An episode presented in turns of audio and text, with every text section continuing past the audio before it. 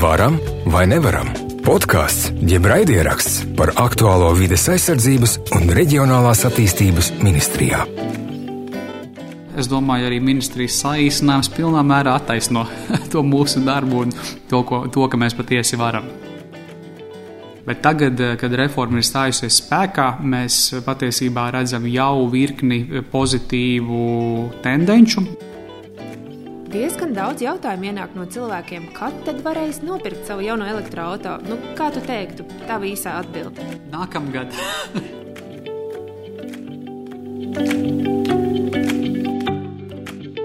Labdien!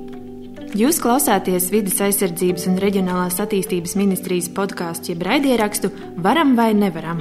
Šī ir ļoti īpaša epizode, jo tieši šodien, 17. decembrī, aprit gads kopš ministra amatu ieņem Vides aizsardzības un reģionālās attīstības ministrs Artūrs Toms Plešs. Gada laikā ir paveikti daudz lieli, nozīmīgi darbi, veidojot Latviju vidē draudzīgāku, nodrošinot reģionu un pašvaldību līdzsvarotu attīstību un īstenojot pārmaiņu virzītāja digitālās transformācijas politikas virzību. Es esmu Ieva Upīte, un turpmākajās minūtēs sarunāšos ar ministru Artūru Tomu Plešu. Labdien, ministrs! Labdien! Nu, sāksim ar tādu provokatīvu jautājumu. Um, ņemot vērā, ka mūsu podkāsts saucās Varam vai Nevaram, un šī ir mūsu noslēdzošās sezonas epizode, nu tad pavaicāšu, vai tad mēs varam vai nevaram? Nu, es eh, pilnā mērā varu teikt, ka mēs varam, un kā jau ieskicēju, man liekas, šis gads tiešām ir bijis super darbīgs eh, mums visiem kopā, un šajās vairākās pieminētajās nozarēs, gan vidas aizsardzības jomā, gan digitālās transformācijas, un, protams, arī pašvaldību un reģionālās politikas jomā mēs esam paveikuši ļoti daudz. Līdz ar to, es domāju, arī ministrijas saīsinājums pilnā mērā attaisno to mūsu darbu un to, ko, to, ka mēs patiesi varam. Jā, un Latvijā mēdz arī teikt, ka gads ir balts no abiem galiem un pa vidu zaļš. Un kādos nogriežņos eh, tu sadalīji šo gadu savā ministra amatā? Es, es atceros, ka stājoties amatā daudz uh, no dažādām pusēm nu, izskanēja apgalvojums, nu, šitais jau tāds nu, galīgi zaļš. Uh, tā kā nu, var vērtēt, ko tas bija domāts, bet jāsaka, tas, tas gads tiešām ir bijis piet, pietiekami zaļš. Uh, primāri jau domājot par uh, dažādām aktivitātēm uh, un arī nu, virzieniem, kur, pie kuras mēs strādājam. Vides aizsardzības jomā, dabas aizsardzības jomā, protams, un es domāju, ka uh, šī politika, kuru mēs arī šo, pie kuras šobrīd arī strādājam, tieši domājot par klimata krīzi, krīzes eh, mazināšanu, pielāgošanos klimata pārmaiņām, aizvien vairāk tomēr eh, arī eh, iezīmēs lielāku zaļumu ne tikai mūsu ministrijas ikdienā un darbā, bet, bet, bet arī citviet. Bet es domāju, ka ir skaidrs, lai, mē, lai mēs to zaļumu varētu saglabāt, mums kopumā būs nopietni, nopietni jāstrādā, jo mēs redzam par spīti tam, ka ir, ir dažādi, dažādi novērtējumi, kas saka, ka Latvija ir viena no zaļākajām valstīm pasaulē. Daļēji tam var piekrist, bet es teiktu, ka mums ir nu, arī pietiekami liela izaicinājuma tās, pašas bioloģiskās daudzveidības jomā, kur ir nu, būtiski spēki jāpieliek, lai parūpētos par mūsu dabas vērtībām un dabas bagātībām. Jāsaka, lielā mērā varbūt arī tas zaļums, kas mums sanāk, ir ilgu laiku varbūt, teiksim tā, kā saka, eh, piekarināts. Eh, tas arī pateicoties kaut kādiem ieprie, iepriekšējā perioda uzkrātiem darbiem jau ļoti ilgā laika periodā. Bet skaidrs eh, līdz ar to, ka mēs nevaram gulēt uz lauriem, lai nepazaudētu šo, šo zaļumu gan primāri jau pašiem priekš sevis, jo mums jau patīk dzīvot tīrā sakoptā vidē. Un es teiktu, ka arī man personīgi gads ir bijis zaļš no tāda skatu punkta, ka es pietiekami daudz esmu pats arī devies dabā, eh, staigājies pa dabas parkiem, dabas, pak, eh, dabas takām, īpaši aizsargāmajām dabas teritorijām, un es redzu, ka arī sabiedrība ir, ir darījusi to pašu, un mēs redzam, ka eh, šīs te dabas teritoriju apmeklējums ir pieaudzis divkārši, pat trīskārši, un es domāju, tas skaidri apliecina to, ka cilvēki grib doties dabā, iepazīt mūsu dabas vērtības, un es domāju, tas būs arī e, nu, tāds pozitīvs pagrieziens kopumā mūsu sabiedrības uztverē. Kāpēc ir svarīgi e, parūpēties par dabu ne tikai priekš mums pašiem, bet arī nākamajām paudzēm. Jā, Covid laiks mums ir devis tādu lielisku iespēju novērtēt to, kas mums tepat mājās ir. Jā. Nav vajadzības braukt un lūkot, meklēt laimi citur pasaulē, kā sprīdīt darīt. Jā, es, es, es, es tev pilnīgi piekrītu, un man liekas, ir tik daudz dabas vērtību, vēl jau vairāk, man liekas, uz vienu to pašu no dabas parku eh, vai, vai, vai dabas takām tu vari braukt četros dažādos gadalaikos un redzēt pa pilni pavisam eh, citu, eh, citu ainu, un man liekas, tādā ziņā tiešām tā, tā, tā daba mums ir, un viss, viss ir, ir, ir tik, dab, ir tik bagāta runāt un tik daudz, tik daudz ko redzēt, ka pašam žēl, ka varbūt nav sanācis vairāk šajā laikā paveikt. Gan jau nākamajās atvaļinājumā un nākamajās brīvdienās varēs aplūkot vairāk, un kā jau tu minēji, Ministrijas viens no virsmērķiem ir nodrošināt vidas kvalitāti un iedzīvotājiem pieejamu, līdzsvarot attīstīt nākotnes valsti, un liels darbs jau ir paveikts, īstenojot administratīvu teritoriālo reformu, kas stājās spēkā 1. jūlijā. Un īstenojot reformu, mēs jau sapratām to, ko mēs iepriekš zinājām, ka kopā mēs varam vairāk. Un rudenī apritēja simts dienas kopš reforma stājās spēkā. Pašvaldības jau ir izteikušas savus ieguvumus, bet nu, no ministra skatu punkta raugoties, kas tad ir pamainījies Latvijā no 1. jūlija? Es atceros to sākotnējo posmu, cik, cik smagas diskusijas bija ar, ar, ar pašvaldībām, lai, lai pārliecinātu, lai izskaidrotu, nu, kas tad būs tie ieguvumi un ko pašvaldības arī pra, pašas varēs nu, izbaudīt, un arī iedzīvotāji plašākā mērā. Un tad, protams, bija liela neizpratne, lielas bažas, un, un, un, un, un tās diskusijas varbūt nera, neraisījās tik viegli, kā braukājot no pašvaldības pašvaldību, tā arī saimnes atbildīgajā komisijā par to diskutēt diskutējot. Bet tagad, eh, kad reforma ir stājusies spēkā, mēs patiesībā redzam jau virkni eh, pozitīvu tendenču, jo skaidrs, ka tādu, eh, teiksim, tā, tādu lielu ieguvumu mēs redzēsim nu, pēc, pēc ilgāka laika perioda, bet es domāju, jau tajos pirmajos mēnešos tendences parāda ļoti labu rezultātu, ka pašvaldības ir spējušas ietaupīt nozīmīgus budžeta līdzekļus, finansiālus līdzekļus, lai nu, pārskatītu un palielinātu dažādu veidu sociālos atbalstus, vai tas būtu bērna pabalsti par, par jaundzimušo bērnu vairākās pašvaldībās, vai cita veida atbalsti. Un tas ir tas skaidrais, eh, sataustāmais iegūms kaut nelielā daļā, ko iedzīvotāji uz, uzreiz var izjust. Un tie ir ietaupījumi budžetā, ko var veltīt eh, citām, eh, citām attīstības iecerēm.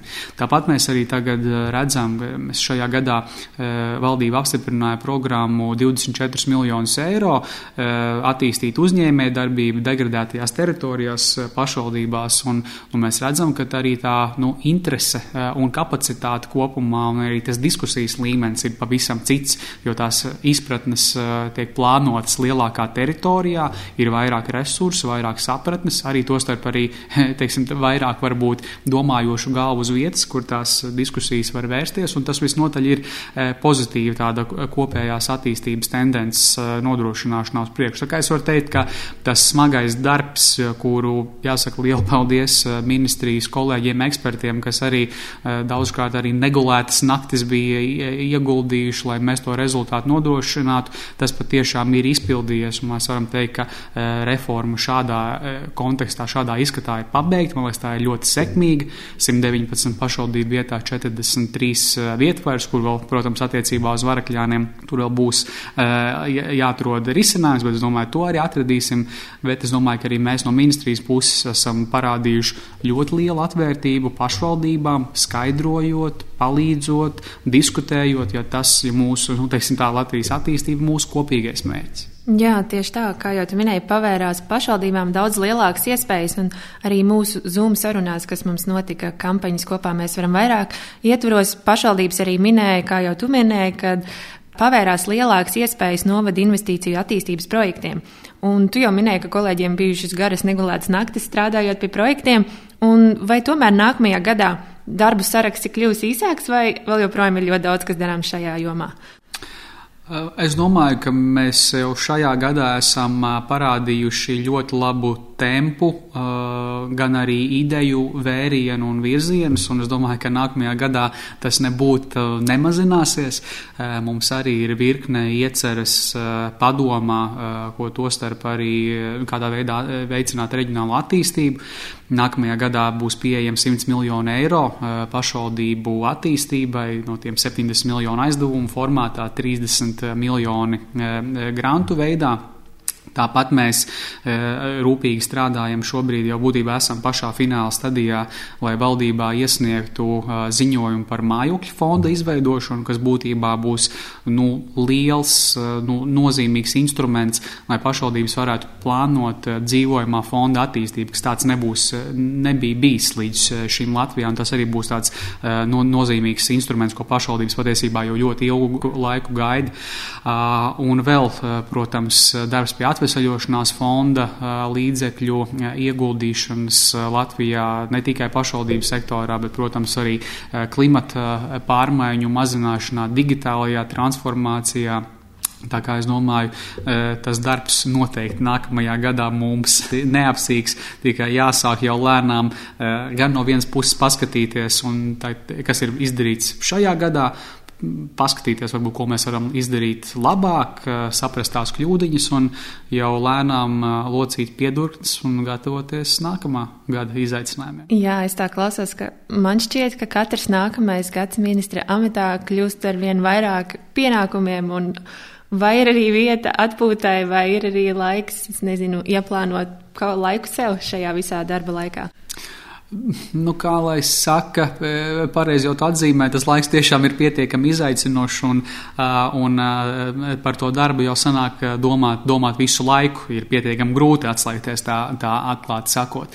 Bet es domāju, ka pilnīgā, pilnībā produktīvs ilgā termiņā var būt tad, ja tu arī spēj atpūsties, atpūtināt prātu, nedaudz atslēgties no tās darba ikdienas, jo citādāk, ja tu esi pārslogots, ir nu, no tā cieši darba kvalitāte, un, protams, arī to bieži vien var izjust, ka ir tādi, ka ir saspringti tādi periodi.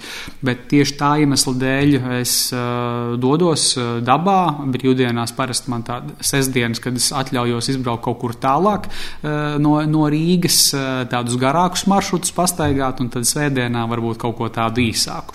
Tā, tādā, tādā ziņā noteikti gribētos ar sportu varbūt vairāk eh, nodarboties, bet, nu, kā lai saka, jā, jāsaliek tās prioritātes eh, tādā secībā, ko, ko praktiski var arī īstenot. Noteikti arī vairāk varbūt grāmatas gribētos uh, palasīt, jo vairāk, protams, dokumentus sanāk lasīt, un, un, un kas, protams, ir svarīgi. Bet kopumā, jā, man, man šķiet, ka tam balansam ne tikai manā amatā, bet jeb, jebkurā darba ikdienā ir jābūt, un tas jā, jāsabalansē, jo tikai tādā, man liekas, tu vari tiešām sasniegt vēl labākus rezultātus. Jā, droši vien ir sevišķi, kad strādā attēlināt, tad pavisam grūti ir noteikt tās robežas, kad sākas un kad beidzas darbs. Tā ir, un man, un man šķiet, ka mēs vēl esam tajā mācīšanās procesā, kā to attālināto darbu izbaudīt, jo teiksim, tā, izbaudīt, es nezinu, vai tas pareizākais vārds, bet nu, katrā ziņā eh, nu, saprast, jā, kur, kā tu saki, kur ir tās robežas un kā labāk plānot darbu. Jo citreiz eh, nu, tev var būt tā, ka tev ir sanāksme, sanāksmes galā, tev viens zoom zvans beidzās, nākamais sākās, un tev pat paēst, ja nav, nav īsta laika, visa diena ir eh, noritējusi, sēžot, sēžot pie galda, atmosties vakars, o varbūt kaut kas arī ir jāēd. Es domāju, ka šeit arī mēs tā kā, nu, vēl salīdzinoši jauns, jauns šis darba veids un, un, un, un, un darba pieredze mums ir, lai gan jau vairāk kā gadu mēs tādā esam pavadījuši, un šobrīd jau tas šķiet vienkārši dabiski, un, un tā tas liekas, ka vienmēr tā ir bijis. Bet es domāju, ka šie laiki ejot uz priekšu Noteikti būs arī pārmaiņas kaut kādā darba tiesiskajā regulējumā, kādā veidā arī menedžēt eh, šos, eh, šos jautājumus, jo tiešām tā produktivitāte ir augusi vienkārši fenomenāli, eh, bet, protams, par kādu cenu. Mm, taisnība, runājot arī par attēlināto darbu, tas mums ir tādēļ, ka mums ir pandēmija, un runājot par pandēmiju, ministrija jau otro gadu Pēc kārtas sniedz pašvaldībām atbalstu Covid-19 izraisītās krīzes seku mazināšanai un novēršanai, un šā gada laikā bijušas deviņas atbalsta kārtas.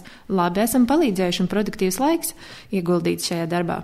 Jā, es domāju, ka jā, gan iepriekšējā gadā, gan šajā gadā šī programma ir uzrādījusi vērā ņemamus rezultātus. Man prieks, ka pašvaldības aktīvi izmanto šos aizdevumus, lai attīstītu teritoriju. Tas tādā ziņā ir, tur ir virkni pozitīvi ieguvumi. Tur ir gan nodrošināts darba vietas šobrīd, radītas arī jaunas, un tā ir sakārtot infrastruktūra un sakārtots pakalpojumu nu, sniegšanas infrastruktūra, kas ilgā termiņā būs labs ieguldījums ieguldījums iedzīvotāju dzīves kvalitātē uz vietas. Skatoties, protams, datus, kas arī nepārsteidz, visvairāk izmantotais atbalsta virziens ir ielu un ceļu sakārtošana. Ja nemaldos, aptuveni 80% no kopējā, kopējiem pieteiktajiem pasākumiem bija tieši ielu, ielu un ceļu sakārtošana, ko arī iedzīvotāji norāda, ka tā ir viena no svarīgām prioritātēm. Tieši tā iemesla dēļ arī administratīvi teritoriālās reformas ietvaros tika izstrādāts šis 300 miljonu ceļu sakārtošanas plāns, kas arī vistiešākajā mērā tiek izpildīts. Piemēram, salīdzinot ar iepriekšējo reformu, kur no dotajiem solījumiem ne, nebija izpildīts teju nekas, tad šajā brīdī mēs jau esam ieguldījuši vairāk nekā 100 miljonus eiro ATR ceļu īstenošanā vai, nu, vai nu rekonstrukcijā vai jaunu veidošanā veidošanā, un nākamajā gadā to mēs arī turpināsim. Un līdzīgi arī, arī aizdevuma programma. Nākamajā gadā arī pašvaldībām būs iespējams pieteikties, un man prieks, ka mēs esam arī šo sadaļu papildinājuši ar tādiem jaunumiem, lai arī pašvaldības pēc iespējas vairāk iesaistītu e, cīņā ar klimatu pārmaiņām. Varam un darām! Jā, un viens no jaunumiem, kā jau tu minēji, ir ministrijas rosinātais atbalsts iedzīvotājiem jaunu vai lietotu rūpnieciski ražotu elektromobīļu iegādēji. Un, zini, mums sabiedrisko attiecību nodaļā diezgan daudz jautājumu ienāk no cilvēkiem, kad tad varēs nopirkt savu jauno elektroautorātu. Nu, kā tu teiktu, tā īsā atbilde? Nākamgad, jo, jo, jā, jo nākamajā nedēļā valdībā vajadzētu arī šo jautājumu skatīt. Tad vēl tur ir tādi tehniski jautājumi ar skaņošanu Eiropas komisiju, tur visu līgumu slēgšanu. Tā kā nākamajā gadā, kā mēs to arī bijām solījuši, tas arī tiks nodrošināts. Nu, re, un kā saka, viens nav karotājs. Ik katra cilvēka individuāla rīcība un paradumu maiņa vidē draudzīgākam dzīvesveidam ir ļoti nozīmīga. Un, manuprāt, lielākoties cilvēki, ja viņi grib tagad pamainīt dzīvesveidu, viņi sāk ar atkritumu šķirošanu. Un jāsaka, arī šajā tēmā ministrija ir diezgan daudz paveikusi, jo tuvākajos gados varēsim dalīt, nodot arī tekstilu atkritumus Rīgā un, un daudz viet citur arī bioloģiski noārdāmos atkritumus. Un ne tikai Rīgā. Jā, ne tikai Rīgā. Bet visā Latvijā. Jā. Es domāju, ka eh, mēs kopumā atkritumu, aps, atkritumu saimniekošanā, atkritumu apsaimniekošanā esam ļoti cītīgi strādājuši. Šis atkritumu apsaimniekošanas valsts plāns, kas iezīmē pārēju uz aprits ekonomiku, eh, atkritumu apsaimniekošanas eh, reģionu reforma, kas šobrīd arī notiek, kur mēs pāriesim uz mazāku reģionu skaitu. Tādā ziņā līdzīgi to varētu analoģijas teikt, ka tā ir administratīva teritorija teritoriālā reforma priekš atkrituma apsaimniekošanas reģioniem. Un arī šī pati, pati dalītā vākšana tekstila izstrādājumiem, kuru mēs jau uzsāksim divus gadus ātrāk nekā tas sākotnēji bija paredzēts, no 2023. gada, jo šeit arī mēs redzam, ka iedzīvotājiem, iedzīvotāji pieprasa to, ir ļoti liela interese par to, ka varētu arī dalīt, nodot apģērbu. Un, protams, bioloģiski noārdāmie atkritumi Rīgas atkrituma apsaimniekošanas reģionā jau no šī gada sākuma visā Latvijā, no 23. gada. Tā kā mēs redzam būtiskas izmaiņas jau šobrīd, un man prieks, ka iedzīvotāji ir ļoti aktīvi daudz vietu un prasa pašvaldībai, prasa apsaimniekotājiem, kur ir mans šķirošanas konteiners, kur es varu bioloģiju šķirot un citu. Un tas tādā ziņā maina to domāšanu pozitīvā veidā, jo tas ir gan rūpes par par vidi, e, gan arī rūpes par savu maciņu galbeigās. Mm, un vai ikdienā tu arī pats šķiro atkritumus? Nu, kā tad, kā tad bez tā, jā? Kā tad bez tā? Es, es primāri, protams, tas noteikti nepiestāvētu vidas ministram nešķirot, bet tā ir arī mana personiska pārliecība, un to es jau daru ļoti, ļoti ilgu laiku. Un ne tikai šķiroju ikdienā, tas varbūt tāds mazākais, bet es rūpīgi nu, izvērtēju, iegādājoties kaut kādas nu, preces, vai man to patiesi, pat to patiesi vajag vai nevajag, un, un, un, un skatos, lai pēc iespējas mazāk atkritumus kopumā radītu. Sevišķi pārtiks atkritumus virtuvē, tā kā man patīk gatavot ļoti, tad cenšos saglabāt pārtikas atkritumus līdz minimumam, saplānot visu. Nu, protams, nevienmēr izdodas simtprocentīgi bet es domāju, tā cenšanās jau iet tajā virzienā, tas arī ir, ir, ir, ir ļoti svarīgs virziens. Tā ir, jā, līdzīgi kā mūsu kolēģi, no, kas um, nodarbojas ar zaļo publisko iepirkumu, saka, ka viszaļākais publiskais publiskais iepirkums ir tāds, kurš vienkārši nav. Jo tad Jā. nav iztērēts neviens resurs. Droši vien līdzīgi ir arī šajā ziņā. Un runājot par vides tēmu, viena liela dāvana Latvijai nākamgad tomēr ir depozīta sistēma, ko mēs ļoti ilgi gaidījām. Jā, tas tiešām papildus arī taviem minējušiem ieskicētajiem virzieniem. Tas ir tiešām, manuprāt, ļoti liels sasniegums un ļoti liels ieguvums. Un, Eh, es tā arī, ja salīdzinātu, piemēram, arī šajā te, eh, nu, teiksim tā, sasaukumā un valdībā, kas ir bijuši tādi smagi jautājumi, arī depozīta sistēmas eh, ieviešana diskusijas bija ap to bija, nu, ļoti smagas. Es atceros tautsaimniecības komisijas sēdes, kur bija 40, 50 cilvēki, tur diskusijas gar un garas, lai atrastu to un, un, un cīņa, protams, par dažādām interesēm kādā veidā tur to sistēmu kopumā labāk izveidot. Bet man ir prieks, ka ir izdevies eh, šīm diskusijām, kas ilg jau patiesībā 20 gadus, pielikt eh, treknu punktu Un no 1. februāra sistēma strādās. Varēsim arī nodot uh, savus iegādātās pudeles veikala apakaļ tarumātos vai, vai arī manuāli. Un es domāju, ka arī to noteikti gan izjutīs, pilnīgi noteikti katrs Latvijas iedzīvotājs, eh, gan arī, gan arī novērtēs ikdienā. Jo tam ir ne tikai tāds pozitīvs efekts, kā viena daļa no iepakojuma nodot, bet uh, kā, kā tas ir arī citās valstīs parād, parādījies, ka tas cilvēkiem ikdienā vairāk liek aizdomāties par viņa izdarītajām izvēlēm eh, attiecībā uz vidi un, un arī plašāk. Cilvēki, varbūt, kur nav iesaistījušies, piemēram, atkritumu šķirošanā, tas varbūt ir tāds pirmais pabudinošais solis tajā virzienā. Tā kā es visnotaļ arī ar lielu. Uh, Es ļoti, ļoti gaidu 1. februāra, lai arī varētu aiziet pirmās pudeles, jau nodot un, un iemēģināt sistēmu. Nu, jā, es domāju, tā ir tāda jauka apņemšanās mums visiem nākamajā gadā.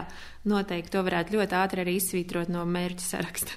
Jā, neprasa daudz resursu. Tas neprasa daudz. Galvenais ierakstīt pirms jaunā gada, jā, un tad, tad izsvītrot. Jā, un es domāju, ka arī depozīta sistēma varbūt ne tieši, bet tomēr kaut kā arī palīdzēs dabas daudzveidībai, varbūt vismaz atkritumi nemētāsies mežos tik daudz.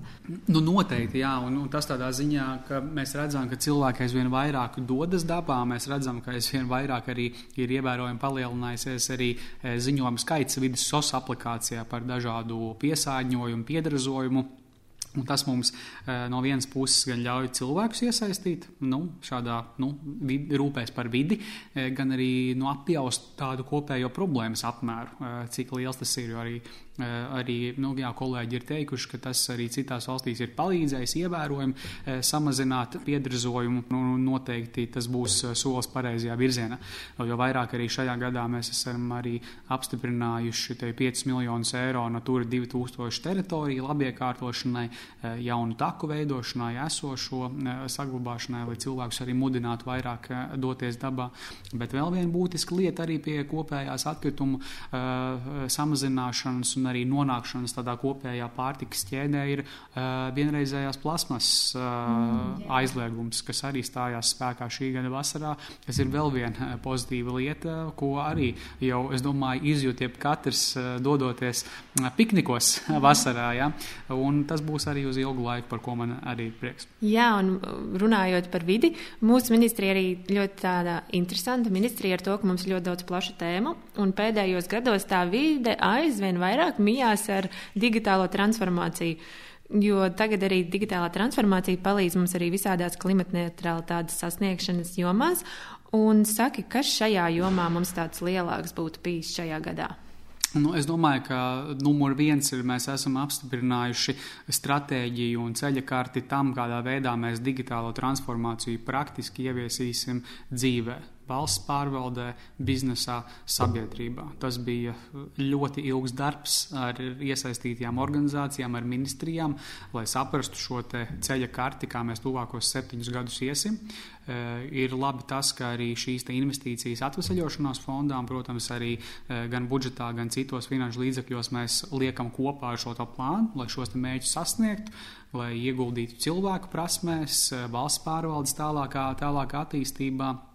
Un noteikti arī viens no tādiem pēdējiem lēmumiem, ko mēs esam pieņēmuši, eh, ir šo te, uh, kompetenci centru veidošana un datu centru konsolidācija valsts, valsts pārvaldes sistēmas ietvaros, kas ļaus ievērojumu resursu taupīt gan finansiālu, gan laika, gan, gan, gan visādi citādi. Tā kā tur mēs noteikti redzēsim pozitīvas, pozitīvas tendences. Un, protams, arī, teiksim tā, arī nu, pārēj uz daudz plašāku tiešām šīs digitālo jautājumu, digitālu prasmju izmantošanu ikdienā vis, visdažādākajās sfērās. Un šeit arī jāsaka, eh, Covid-19 pandēmija nu, palīdzēja izdarīt ļoti būtisku uzrāvienu eh, tieši pārējā uz daudz eh, nu, digitālākām ikdienas darbībām. Ja tā var teikt, ļoti daudz cilvēku, kur agrāk, piemēram, nebija iepirkušies internetā, to izdarīt pirmo reizi, mm. arī šajā laikā, un tas ir uz palikšanu. Es personīgi, kas varbūt ir jauns šajā gadā, ko es iepriekš nebiju darījis, vienmēr biju par to domājis, bet es nekad to nebiju paveicis, jo īstenībā nebija tāda motivācija pirku pārtiku internetā ar, ar piegādu uz mājām. Un ļoti ērti, ja te uznes uz sesto stāvu un pašam nav jānes. Ja? Tā, kā, tā kā noteikti iesaku katram izmēģināt. Un jā, tā kā es domāju, ka šeit mēs arī redzam to miedarbību ar pozitīvu efektu arī uz klimata pārmaiņu mazināšanu un sevišķi arī uz, uz reģionu attīstību. Tā kā, kā es esmu jau vairākas reizes teicis, ja sanāk šķiet ļoti dīvains politikas nozaru mikslis vienā ministrijā, tad man šeit tas šobrīd ir mūsu trumpis, kad ļoti lielas uh, tēmas, kas ir politiski nozīmīgas ne tikai Latvijas, bet arī Eiropas līmenī, mēs varam plānot vienot. Un tas ir man šeit ir tas lielākais iegūms, ka arī šeit uh, kolēģi var viena resora uh, ietveros komunicēt, runāt, apmainīties ar idejām, kādā veidā mēs izmantojam visus tos instrumentus, kas ir mūsu klāstā, dabūt vislabāko rezultātu. Jā, tieši tā, un plašāk par šo tēmu tiem klausītājiem, kur nezina, mēs runājam iepriekšējā mūsu ierakstā epizodē, uh, kur mēs runājam par konsolidāciju datu centru. Ja kāds grib plašāk par to paklausīties, droši lai pameklē Spotify. Bet tikmēr vēlējos pavaicāt, ka gads ir lielisks brīdis, lai palūkotos nākotnē. Kā tev izskatās, kāds, ko tad mums nesīs 2022. gads? Tas ir ļoti labs jautājums. Es teikšu tā, jo man šķiet, man, man šķiet ka tas, ko mēs jūtam, un ne, ne tikai varbūt politiski un par darbu runājot, man liekas, mēs kopumā šobrīd ir tāda kopumā liela nestabilitāte. Mm.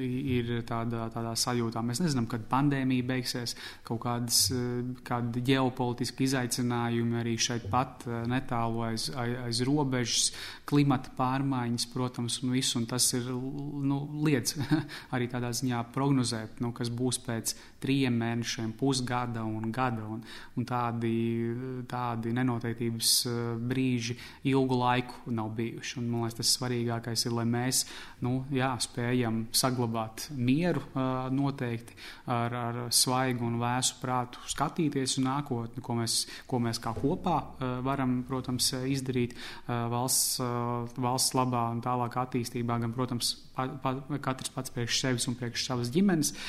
Un tas noteikti ir, ir tāds svarīgs aspekts arī šajā izaicinošajā laikā saglabāt to, saglabāt to mieru, ja, kas noteikti, kas noteikti nav, nav vienkārši un kaut kā arī šīs te, nu jā, savas sajūtas menedžēt. Bet noteikti par tādām mūsu ministrijas izaicinājumiem runāju. Es domāju, ka, protams, arī darbs pie administratīva teritoriālas reformas iedzīvināšanas eh, nu, turpināsies. Mēs turpināsim sniegt atbalstu pašvaldībām, lai ieguldītu reģionālajā attīstībā.